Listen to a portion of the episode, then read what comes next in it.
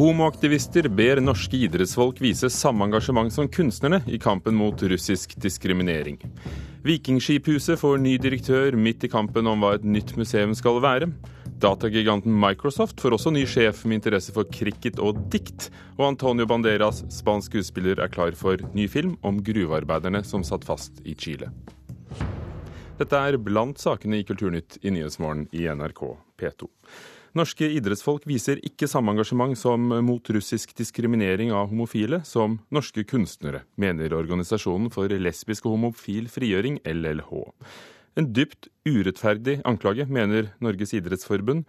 Denne uken har flere kulturpersonligheter lansert kampanjer mot diskriminering av homser og lesber under OL i Sotsji. Det er jo da en klassisk protestlåt da mot antihomoveldet til Putin. Artisten Annie lager protestlåt. Motedesigneren Baron von Bulldog tar farvel med en Putin-protest på den nye moteuka Oslo Trend. Og kjente kulturpersonligheter ikler seg den nye T-skjorten, som lederen i Landsforeningen for homofil og lesbisk frigjøring, Bård Nylund, viser fram. Dette er jo de kampanje-T-skjortene våre, som er et utdrag av det olympiske charterets prinsipp 6. Nylund hevder at T-skjortene går unna som varmt hvetebrød før OL i Sotsji. Men han er misfornøyd med idrettsutøvernes engasjement. I Norge er det jo slik at idrett kanskje er en av de største aktørene i sivilt samfunn som samler flest eh, mennesker i alle aldre og på alle nivå. Og de har en betydelig posisjon i det norske samfunnet, og da mener jeg at det følger med et ansvar for å kommunisere og de uh, syns om uh, Russlands holdning til menneskerettigheter. I Norges idrettsforbund synes Håvard Øvregård at kritikken fra de homofiles organisasjon er dypt urettferdig. Han er rådgiver for inkludering i Idrettsforbundet. Vi er den olympiske komiteen som jobber mest med homotema, og vi er den olympiske komiteen som tar opp dette internasjonalt. Så hvis LLH nå uh, mener det er riktig tid for å uh, rette skytset mot, uh, mot Idrettsforbundet, så syns jeg det er en, et feilskudd. Bård Nylund i Landsforeningen for homofil og lesbisk frigjøring er fornøyd med at kunstnere og kulturpersonligheter protesterer. Han synes idrettsutøvere kunne være noe mer høylytt. Det ultimate hadde vært hvis en av våre aller største helter, dra vunnet gull i Sotsji, eh, kan si et eller annet om at den gullmedalja er man veldig glad for, men den har òg en bismak. Fordi at det er gullmedaljer som er vunnet på en arena i et land der menneskerettighetene blir brutt over en lav sko. Og den drømmen deler faktisk Håvard Øvregård i Norges idrettsforbund. Men protesten må skje etter målgang. Det er noe helt annet å være utøvende kunstner og være eh, idrettsutøver på toppnivå. Det å kunne blokkere ut alt annet akkurat fram til konkurransen. Det er viktig. Det er mye bedre at vi har en gullmedaljevinner eller en medaljevinner som kan uttale seg om slike ting etter konkurransen, eller at en skal bli forstyrra av eh, spørsmål fra journalister og da ende på en sjette- eller en tiendeplass. Og Reporter her var Tone Staude, og i dag arrangeres det protester i 19 byer over hele verden mot diskriminering av homofile. Aktivistene mener OL-sponsorer som Samsung og McDonald's ber dem ta offentlig avstand fra det de mener er homofiendtlige lover i Russland, melder britiske BBC.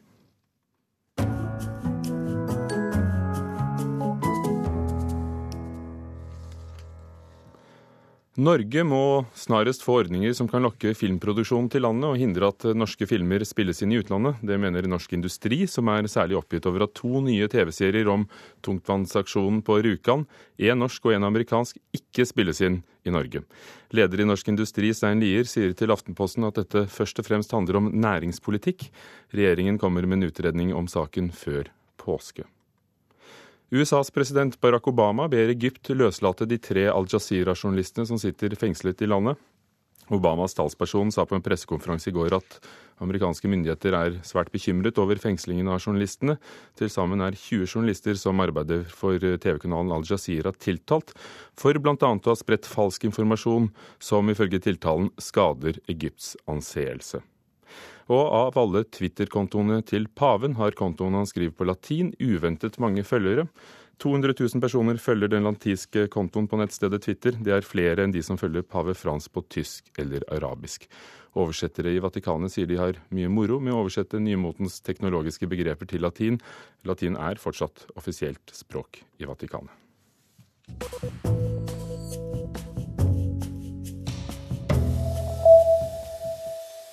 Kulturhistorisk museum i Oslo får ny sjef. Han heter Håkon Glørstad, er professor i arkeologi, og får dermed ansvaret for både historisk museum, myntkabinettet, Vikingskiphuset og store samlinger vi sjelden får se.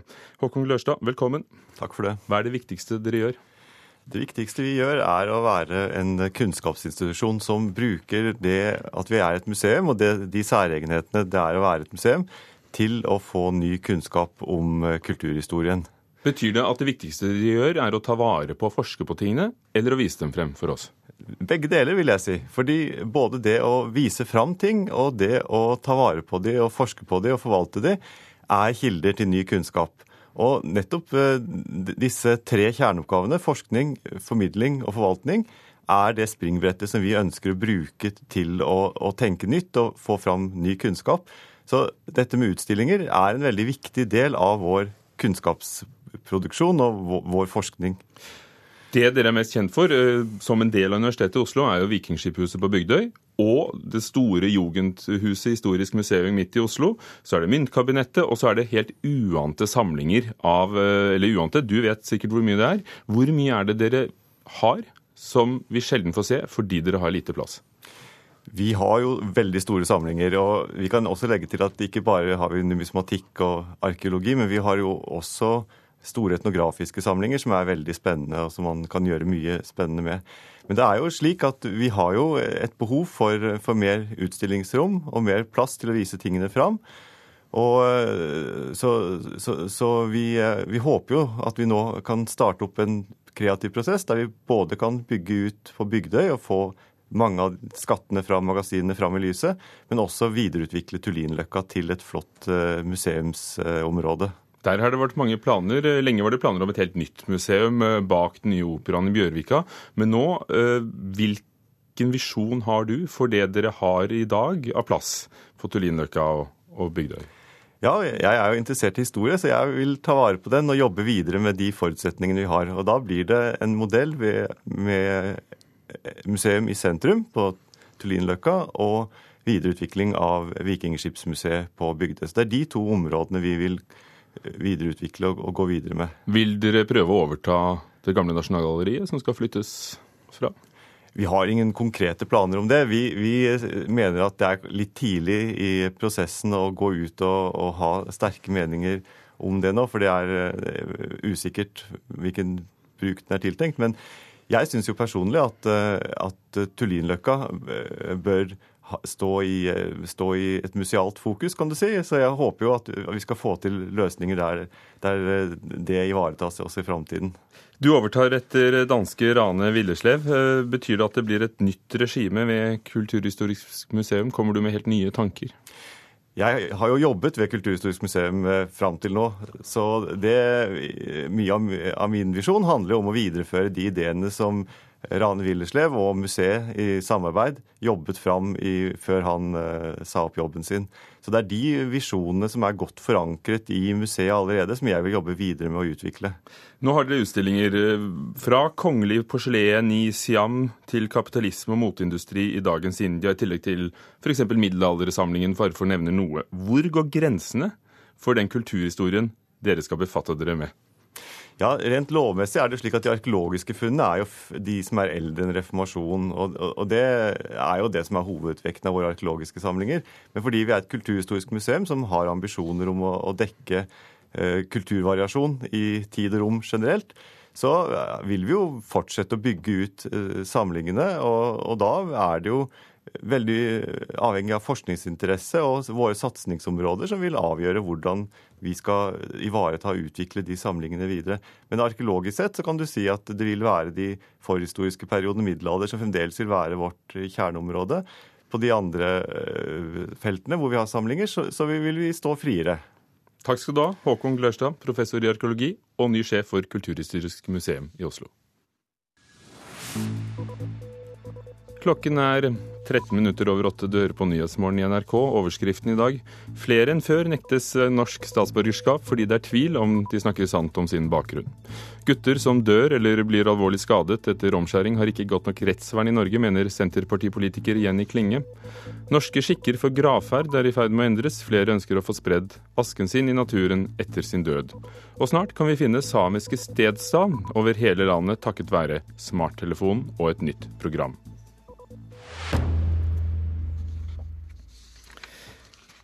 Vi skal til Chile, hvor gruvedramaet ble fulgt av folk over en hel verden høsten 2010. Nå kommer storfilmen om det som skjedde, og opptakene begynner denne uken.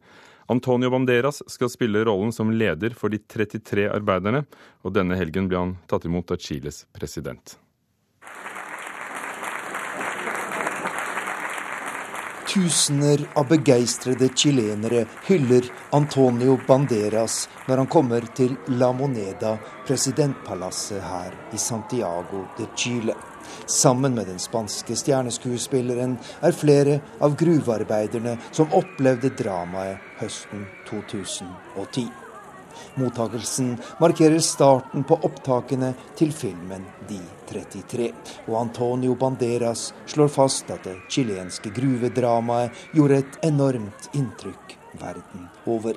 Cuando estos hombres se agarraban a las piedras de esa mina, disse mennene klamret seg til livet i nærmere 70 dager, innesperret i en gruve flere hundre meter under jorda.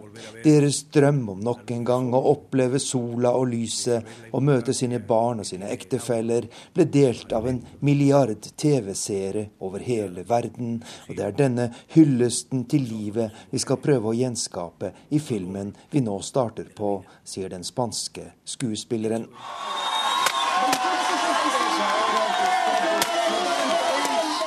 Jeg var til stede de uforglemmelige dagene da de 33 gruvearbeiderne ble reddet ut av sitt underjordiske fangenskap og gjenforent med sine familier i gruveområdet San José i det nordlige Chile.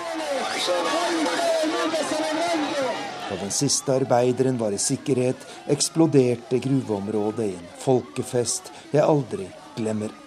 Chiles president Sebastian Piñera ledet redningsaksjonen og minner om det enorme engasjementet i den chilenske befolkningen den gang.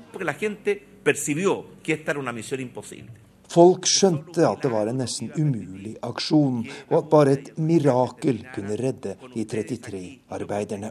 Derfor levde folk seg så sterkt inn i dette når dette ble en slik internasjonal megabegivenhet, så var det fordi verden trenger håp og gode nyheter. Vi trenger en slik historie som starter tragisk og som ender godt, sier Chiles president.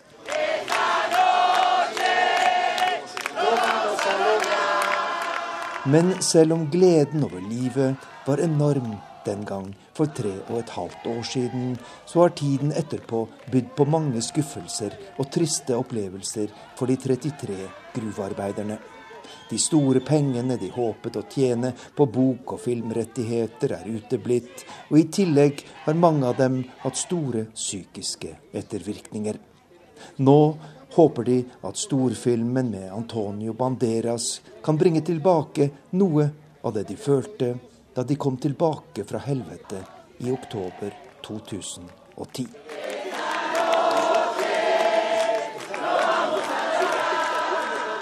Reporter Arnt Stefansen i Chile. Dataselskapet Microsoft har fått ny sjef. Indiske Satya Nadella har arbeidet for selskapet i 22 år, og er den tredje sjefen bare i Microsofts historie, og overtar etter Steve Ballmer. Dette sier han selv om å få jobben som sjef for et av verdens aller største teknologiselskaper. Honored, humbled, excited. Mm-hmm. Those would be the three words that come to mind. I mean, uh, you know, we have tremendous opportunity, and that's inspiring. And I'm also grounded on our cha- in our challenges. In fact, that is the adventure uh, that and the constraint, which also, in fact, creates, I think, uh, the competitive uh, zeal in me uh, to be able to do great work. Vi er et ydmyk og spent, og vi har uante muligheter, sa Satya Nadella. Aslak Borgersrud, nettredaktør i computerworld.no. Eh, hva fikk de ut av dette første intervjuet Microsoft selv har eh, gitt ut med sin nye sjef? Nei, jeg må si jeg fikk vel ikke ut eh, veldig mye annet enn at her har vi en, en mann som formulerer seg sånn som administrerende direktører gjerne gjør. Altså ikke egentlig sier så mye spennende på ansettelsesdagen. Hvem er denne typen? Nei, altså uh, Satya Nadella er jo uh, en Han har jobba 22 år i Microsoft. Ja. Han har uh, utdannelse både som data, som informatiker og som businessmann, og, og har vært i den, den, litt sånn kjedelige delen av Microsoft, om du kan si det sånn. Han har ikke lagd spill eller operativsystemet Windows eller, eller, sånne ting, men han har jobba i, i, i business-delene, i skyprogramvare og, og, de greiene som, som, Microsoft tjener veldig veldig store penger på, men som ikke er liksom så synlige for, for, vanlige forbrukere. For Microsoft lager jo nettopp veldig mye rart. Alt fra spillbokser som folk har hjemme, til store, tunge kontorprogrammer. Noen analytikere mener at nettopp dette er problemet. De lager veldig mye, men så klarer de ikke å samarbeide, og, og derfor kommer de ikke med så mange nye produkter. Hva skal han gjøre med det? Nei, det er, det er et godt spørsmål, fordi Eh, Microsoft sliter jo egentlig på eh, mange av de tinga som, eh, som, ligger forbrukerne nærmest. De sliter med å få Windows 8 til å, til å fungere. Det er Foreløpig ser det litt ut som en flopp, siste versjonen av Windows-operativsystemet. De sliter med å få Windows-telefoner til å bli noe i nærheten av like populære som Android og Apple-telefonene. Og øh, ikke sant? De, de, sliter med nettbretta sine, som, som heller ikke har slått helt gjennom. Men ikke sant? samtidig så tjener de hauger og lass av penger på Office, på, uh, på bedriftsprogramvare og, og systemer som, som ligger eh, på bakrommet. Så hva kan de gjøre for å henge med? Fordi det selges jo stadig flere nettopp smarttelefoner og færre PC-er med Windows på. Ja, eh, i, i, høst så kjøpte de jo Nokia. Og det er klart at den første virkelig store hodepinnen til Sacha Nadella blir jo å få skikk på Nokia og få de til å, å begynne å selge en, eh, en masse smarttelefoner igjen. Uh, og hvordan de skal gjøre det, det tror jeg ikke han har noe veldig godt svar på. Men, men de fleste peker jo på at, at, nettopp det at Microsoft er så breie, uh, det må de greie å snu til sin fordel. At de må greie å, å få uh, telefonene til å, til å, arbeide så bra sammen med PC-ene og, og nettbrettene og få det, den, det, det miljøet da, til å være best mulig. Og da har de kanskje en sjanse til å utkonkurrere de andre. Men det er rart med det. De tjener penger som gress, som du sier. De tjener mye penger. Men aksjekursen har stått stille i over ti år. Mm. Hvorfor mottas ikke denne tilsynelatende suksessen med mer entusiasme? Nei, altså uh, Microsoft sliter med at de uh, rent sånn synlig uh, De henger litt etter etter. De er ikke det selskapet som, som finner opp de store oppfinnelsene. Altså På internett eh, sant, er det en masse selskaper som har vokst seg opp i innafor Microsofts hegemonitid. da, ikke sant? Google, Apple, Facebook. Alle disse selskapene har blitt giganter på områder som like gjerne Microsoft kunne ha vært. da, som Microsoft har prøvd å være med på. Men Microsoft har ikke lykkes på de områdene. ikke sant? Og det er klart at eh, Sammenligna med det, så, så er uh, iPhones uh, glimrende ikke sant? Den ser så fin ut og, og så, tjener så mye penger. Og uh, Microsoft blir kanskje litt traust sammenhengen. Gründer Bill Gates går av som styreleder samtidig og blir teknologisk rådgiver. Satya Nadella blir ny sjef. Vil dette da være løsningen for det du skisserte? Det er ikke godt å si. Nei, hvis jeg skal tippe, så tier jeg nja Aslak Borgersrud, nettredaktør i Computerworld, takk.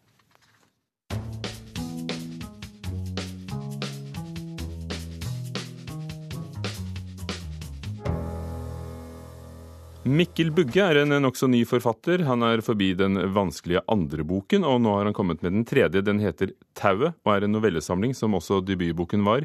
En novellist utenom det vanlige, om vi skal tro vår kritiker, Marta Norheim. Jeg har sagt det før, og jeg sier det igjen.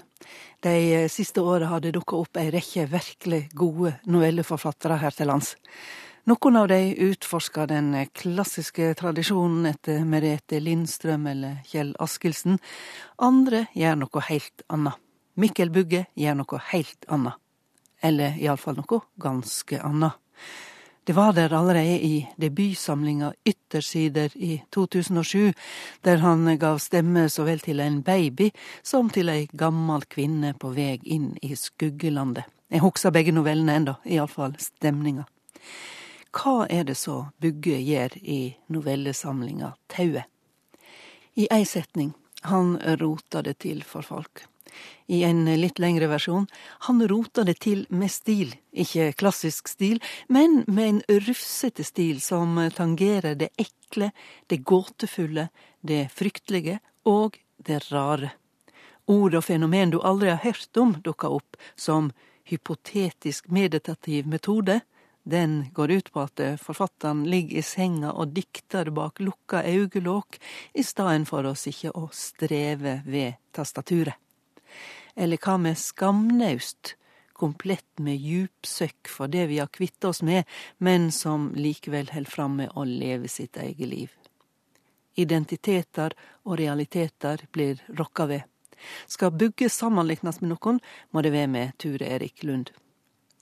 De fleste personene er litt malplasserte eller desorienterte, og akkurat det er jo temmelig vanlig, men det er det på en original måte. Dette er ikke såre psykologiske portrett av folk som sliter, for å si det sånn. Ta for eksempel Bernt Biermann, en litt grå kulturbyråkrat som før han veit ordet av det, er gift med en berømt svensk kunstner.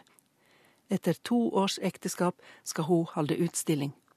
Å si at Bernt blir kledd naken der, er å ta for svakt i, men mer vil jeg ikke røpe. Det jeg kan røpe, er at her kaster forfatteren inn spørsmåla om livsnær dikting fra spiss vinkel. Bernt er en av flere minneverdige personer i denne boka, som altså sjonglerer med realiteter og identiteter og fiksjoner og løgner på en rufsete, men likevel elegant maner. Ikke alt er like bra og like nødvendig. Noe blir for overlessa, den ene gode ideen slår den andre i svime. Av og til går ønsket om å overraske leseren utover fortellinga. Men når en forfatter byr på originalitet og skaper ettertanke som her, er det bagateller. Tauet er ei flott bok, og ingen greier å gjette hvor dette tauet kommer ifra. Det garanterer jeg. Sa kritiker Marta Norheim om novellesamlingen Tauet av Mikkel Bugge. Snart blir det mulig å finne samiske stedsnavn over hele landet, nesten ved hjelp av smarttelefon. Navnene dukker opp på skjermen idet du peker mot dem. Chokanjarga, Choikavari, Galbar. Galbar? Galbar, ja. ja. Det tror jeg skal stemme. ja.